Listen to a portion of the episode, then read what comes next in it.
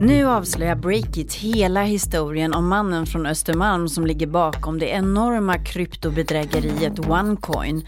Hur kunde så många svälja betet och kommer alla som blev lurade någonsin få pengarna tillbaka?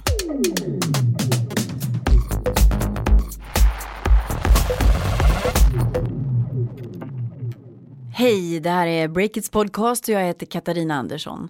I den här podden zoomar vi varje vecka in på det som är nytt och spännande i det nya näringslivet. Och idag har vi en extra spännande podd skulle jag vilja påstå. I ett par veckor så har vår reporter Johanna Ekström jobbat med att hitta nya uppgifter i det som troligtvis är det största bedrägeriet någonsin som en svensk ligger bakom. Det handlar om 40 miljarder kronor som gått upp i rök när människor satsar högt och farligt på en ren och skär kryptobluff.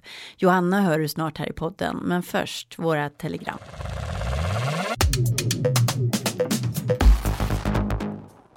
Redan förra veckan berättade vi att ryktena om den amerikanska e-handelsjätten Amazon har tagit fart på allvar igen. Om Amazon kommer att etablera sig i Sverige så betyder det såklart en rejäl käftsmäll för svenska e-handlare. Stefan Lundell har varit i Eskilstuna och spanat efter Amazons lager, eller det som skulle kunna vara Amazons nya lager. Vad hittade han? Efter sin roadtrip så säger han så här. Ja, det var en väldigt givande sådan roadtrip måste jag säga. Jag åkte ut med de två e-handelsgiganterna Niklas Storåkers och Paul Fischbein. Det var de som guidade mig här i eh, Amazonland som man kan kalla det. För det skulle nog kunna säga att vi kan slå fast efter den här eh, resan att eh, Amazon har ett lager på gång precis utanför Eskilstuna. Men det kommer dröja innan, de, eh, innan det är på plats. Eh, vi luskade runt och fick en hel del um, hårda indicier på att det ändå, ändå är så som är fallet. Men inte, vi kan inte helt bekräfta det, men allt tyder på att uh, det är där de ska sätta upp sitt lager. Och uh, vill man till äventyrs veta mer här så går det att läsa mer på sajten. Taxiverksamhet går som bekant inte särskilt bra i coronatider. Nu meddelar Uber att de ska minska arbetsstyrkan runt om i världen med 14 procent. Det innebär att 3 700 tjänster försvinner samtidigt som 180 servicecenter för förare stängs. Uber-chefen skriver också att citat svåra förändringar kommer de närmaste två veckorna. Att lyssna på saker, till exempel podcast, det är ett bra tidsfördriv för alla som just nu sitter i karantän hemma. Spotify, som den senaste tiden har jobbat allt mer med just poddar och prat, satsar nu på magi och lanserar Harry Potter-succén Den vises sten som ljudbok på plattformen. Det är den första boken i serien om trollkaren Harry Potter minuter. Under varje vecka så kommer ett nytt kapitel, totalt 17 stycken, och släppas exklusivt på Spotify. De olika delarna kommer att läsas av kända röster som fotbollsspelaren David Beckham, Dakota Fanning och även Daniel Radcliffe som spelade Harry Potter i filmerna.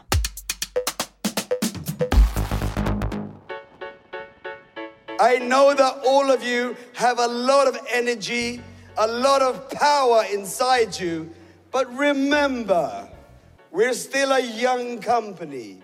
Like a little baby. Härnäst så hör du Breakits reporter Johanna Ekström om hennes scoop om den värsta kryptobluffen i svensk historia.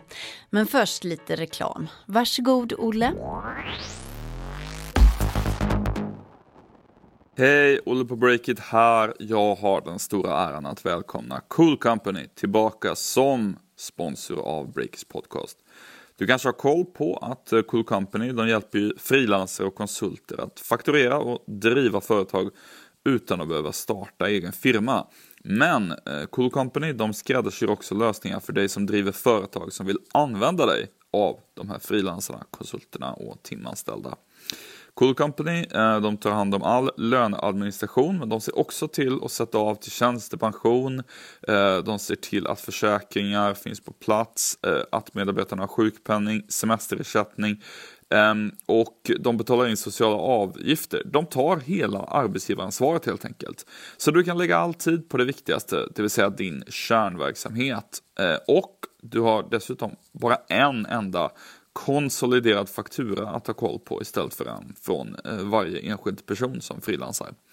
Gå in på www.coolcompany.se företag och läs mer om vad just Cool Company kan göra för ditt företag idag. Tack Cool Company!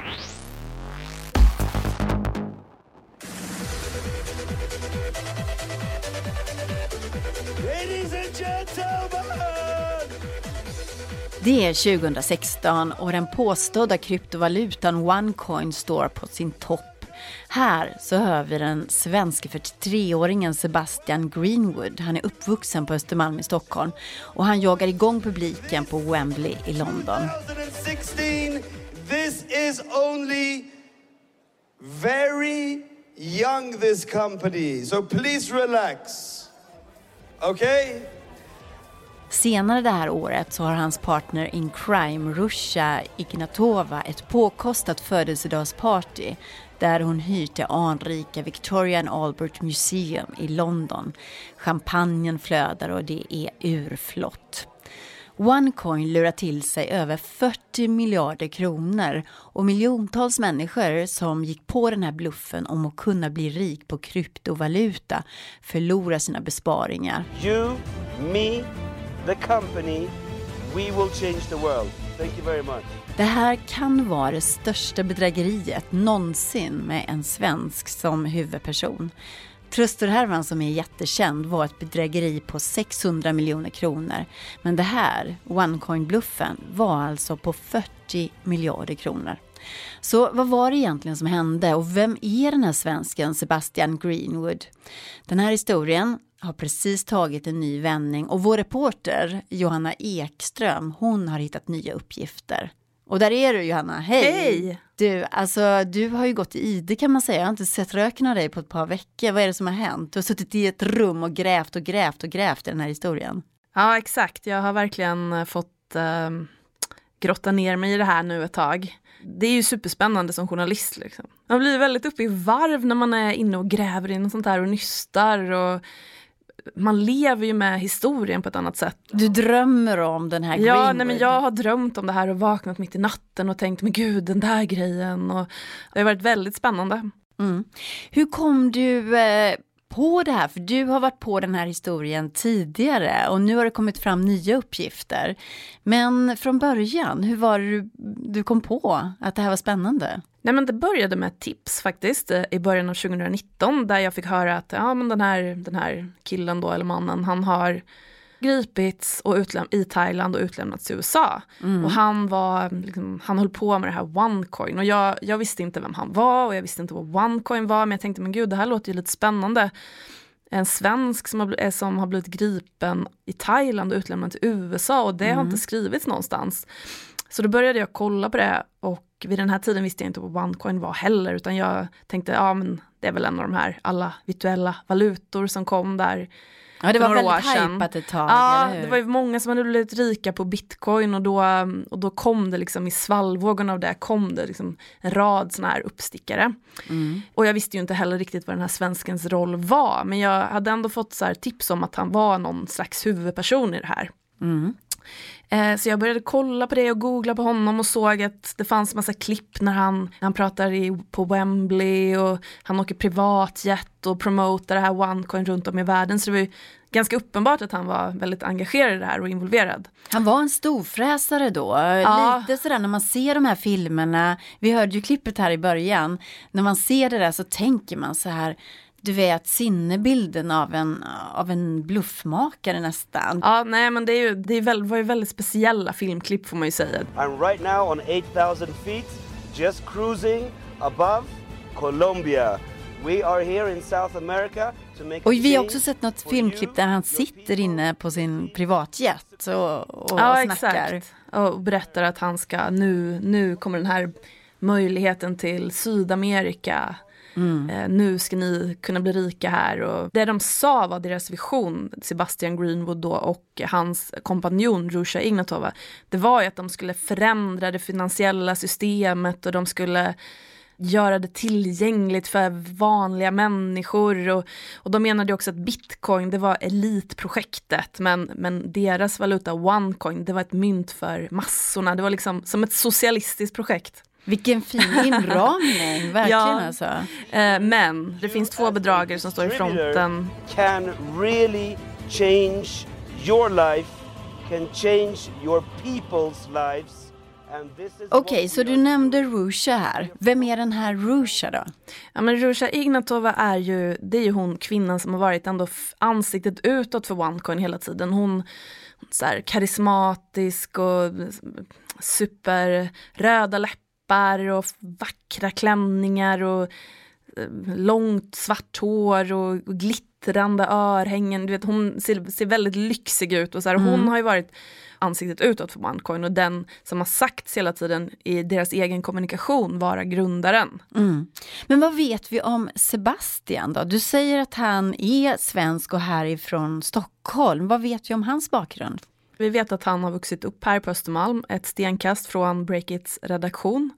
Och att han, nej men han har liksom haft, han har startat en rad olika bolag, de flesta har liksom inte gått så bra. Men han har hela tiden verkat ha haft ambitionen att han vill något mer, han vill leva det goda livet, han vill, han vill lyckas helt enkelt. Mm. Och han lyckades då ett tag, men om man ska gå in lite på hur den här bluffen var upplagd, vad kan vi säga om det då, Johanna? Ja, men då tänker jag att eh, Josefin Aronsson som är handläggare på Spelinspektionen kan få berätta. För hon var ju också den som fick det här på sitt bord 2015 och eh, polisanmälde det. Det kom in tips till Spelinspektionen om, ja men kolla på det här, det här är nog ett pyramidspel och så började hon granska det. När vi tittade på konceptet och såg hur det var upplagt och att det var ett krav på att rekrytera nya deltagare för att kunna göra sin förtjänst så fattade vi misstanke om att det var ett eh, kedjebrevsspel och därmed stod, eh, stod i strid mot lagstiftningen på området. Det var därför vi polisanmälde konceptet. Det var framförallt rekryteringsfasen, att du var tvungen att rekrytera nya deltagare för att kunna göra dig en förtjänst. Eh, man sålde in det som att man skulle investera eller köpa ett utbildningspaket i en påstådd kryptovaluta. Men i själva verket handlade det hela om att du skulle rekrytera nya deltagare. Det man köpte i det hela, det var luft. Det här var alltså Josefin Aronsson på Spelinspektionen som fick den här bluffen i sitt knä och började titta på den. Sebastian Greenwood har alltså blivit rik på den här bluffen, ett pyramidspel Johanna, med kryptovaluta. Men vad finns han idag? Ja, nej, han greps ju där då eh, i Thailand i slutet av 2018 och eh, fördes till USA. Och sen har det varit knäpptyst. Vad sjutton är han? Sitter han häktad? Eh, man vet ju inte, är han, han släppts? Who knows? Jag fick höra så här ryktet på stan säger att han är tillbaka i Thailand. Det, det var ju bara ett rykte kan man ju Att konstatera. han var tillbaka på stranden där och badade i vågorna? Ja, liksom. nej det stämde ju inte. Men, nej, och, men det var verkligen en gåta. Jag, jag försökte luska med UD om de visste något mer. Jag försökte kontakta FBI som inte svarade. Det var en gåta. Ehm, Du hade gått in i en vägg helt enkelt. där, där tog det slut. Okej, så du hade gått bet, du hade gått in i väggen, du hade försökt allt och du eh, förstod inte vad som hade hänt. Vad hände sen då? Nej men jag, släpp, jag fick släppa det ett tag och sen så gick månaderna och sen, men sen eh, hösten 2019 så kom en BBC-dokumentär som heter The Missing Crypto Queen. Och då var jag såhär, woho, gud vad spännande. Det är ju det här jag har liksom tittat på. Vem var the missing crypto queen? Ja det var ju Rusha Ignatova då för hon hade ju försvunnit. Hon har ju gått under jorden. Hon är ju fortfarande borta liksom. Det är ju ingen som vet var hon är. Oj. BBC ägnar då åtta avsnitt åt att åka runt och leta efter henne och, och liksom granska hela det här OneCoin. De fick också fram den här siffran då, 40 miljarder kronor. Så då var det ju så här wow, och de kallar det för århundradets största bluff och sådana här saker. Men när jag lyssnade på den här så var det så här, men när ska de ta upp Sebastian Greenwood och hans roll? Vad har de fått fram om honom? De nämner honom vid något tillfälle men han, han är verkligen inte fokus. Nej. Men då var det så här att jag och då Erik Wisterberg som tidigare jobbade på Breakit, vi bollade det här och pratade om att göra någon liknande poddokumentär fast om Sebastian, med Sebastian i fokus. Ehm, och Erik var också väldigt drivande i det här men, men sen fanns det inte riktigt resurser till det för det kostar ganska mycket att göra en sån poddproduktion. Och sen så slutade Erik på Breakit och började jobba på Svenska Dagbladet. Och då sa han, innan han slutade så sa han typ, ja ah, men okej okay, jag ger er tre månader, om inte ni har gjort det här så kommer jag göra det själv. Oj, vilket hot här, fan, från Svenska Dagbladet. jag, kan inte, jag kan inte släppa den till Svenska Dagbladet. Men sen kom vi ju då på att nej, men vi kanske kan göra ihop det. Så du lever under ett hot där att Erik kommer sno din story. Och vad är det som, som händer då? För att han kommer ju inte längre med det här än du precis då. Nej, nej men då pratar vi om att nej, vi kanske ska göra det ihop. Men sen kom liksom corona och allt det här och det blev fokus på annat och fullt upp med annan rapportering. Mm. Men så plötsligt under påskhelgen var det, långfredagen, mm. klockan 22 på kvällen så skickade Erik ett sms till mig och vi brukar inte smsa till varandra. Och då skrev han liksom, ja men har du sett Sebastian Greenwood åtalas. Jag tror att jag svarade någon så här, oh my god! För det var ju det, var ju det här, plötsligt hände nu, han sitter där och han är åtalad och det har varit sekretessbelagt såklart då. Mm. Och det är därför vi inte har vetat någonting. Men i påskhelgen så blev allt det här offentligt, så det var ju liksom de nya uppgifterna som ändå gjorde att nu kör vi, nu, mm. nu granskar mm. vi det här. Och då, när det äntligen fanns något att ta på, vad var det ni har kommit fram till nu och som kommer publiceras idag på Breakit? Nu har vi grävt fram massa spännande detaljer kring ja. det här, kring Sebastian Greenwood. Och du låter har, väldigt nöjd. Ja, nej, men det har blivit bra. Vi har skrivit en lång text om det och vi har, eh, vi har ringt en miljon samtal, vi har pratat med gamla klasskompisar, gamla kollegor, vi har gått igenom alla dokument från amerikanska domstolar och vi har sökt myndigheter. Ja, vi har liksom kartlagt honom mm. för att helt enkelt försöka få svar på frågan hur hamnade han i det här? Hade han otur? Var det medvetet? Var det liksom, visst det kanske var lite så här, de tänkte från början, jo men vi kan, det här är smart, vi kan tjäna pengar. Men sen så blev det så enormt stort, det kanske, alltså det blev så stort, det blev som en som en, som en maskin som de kanske inte ens själva kunde stoppa. Och jag vet att inte du vill berätta precis allting som ni har hittat här, för det går att läsa om på Breakit idag istället. Men bara för att vi inte ska lämna den här podden med allt för många frågetecken bara, så undrar jag så här, det här handlar om otroligt mycket pengar Johanna. 40 miljarder kronor och det är miljontals människor som har satsat sina besparingar, kanske med hoppet om att bli rika. De har blivit lurade. Och då undrar jag, finns det någon chans för dem, eh, alla människor där ute, att få tillbaka de pengarna? Alltså vi ska komma ihåg att rättsprocessen är ju, den är ju långt från klar. Det är ju, mycket kan hända där än och det är inget datum för rättegång satt mot eh, Sebastian Greenwood och Rusha Ignatova, hon är ju fortfarande försvunnen. Mm. Henne har de inte mm. fått fast de är inte dömda heller för någonting än. Eh, så det måste man ju komma ihåg. Men samtidigt kan man känna att det är väldigt många människor som har blivit lurade. Många som har, liksom, har verkligen satsat sina surt förvärvade stålar på det här. Mm. Eh, och Många har ju lurats in i det av vänner och bekanta eftersom det har varit ett sånt upplägg då där man värvar nya mm. in i den här mm. pyramiden. Mm. Så man, jag, jag har svårt att tänka mig att de som har varit längst ner i den här pyramiden har så mycket att hämta men man kan alltid hoppas att de får någon slags upprättelse.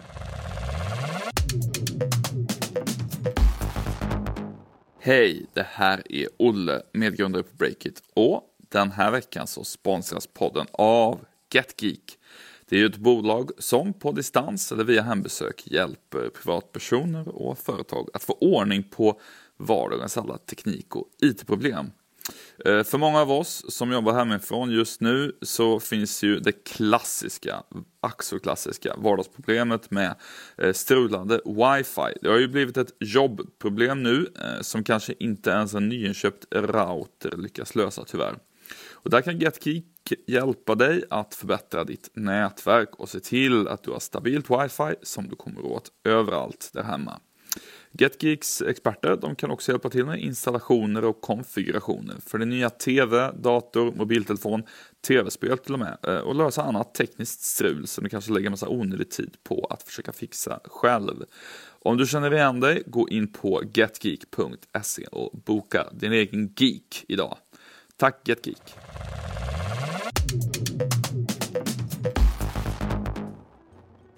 Du har lyssnat på Breakits podcast med mig, Katarina Andersson. Och jag vill såklart att fler ska upptäcka den här podden. Och om du går in i din poddapp och ger oss fem stjärnor och en fin recension så kommer algoritmerna slå volter och se till att fler upptäcker den här podcasten. Så snälla, hjälp oss med det om du gillar det du hör. Ola Aronsson är ansvarig utgivare och Caroline Englund är poddens redaktör. Ha det bra tills vi hörs nästa fredag.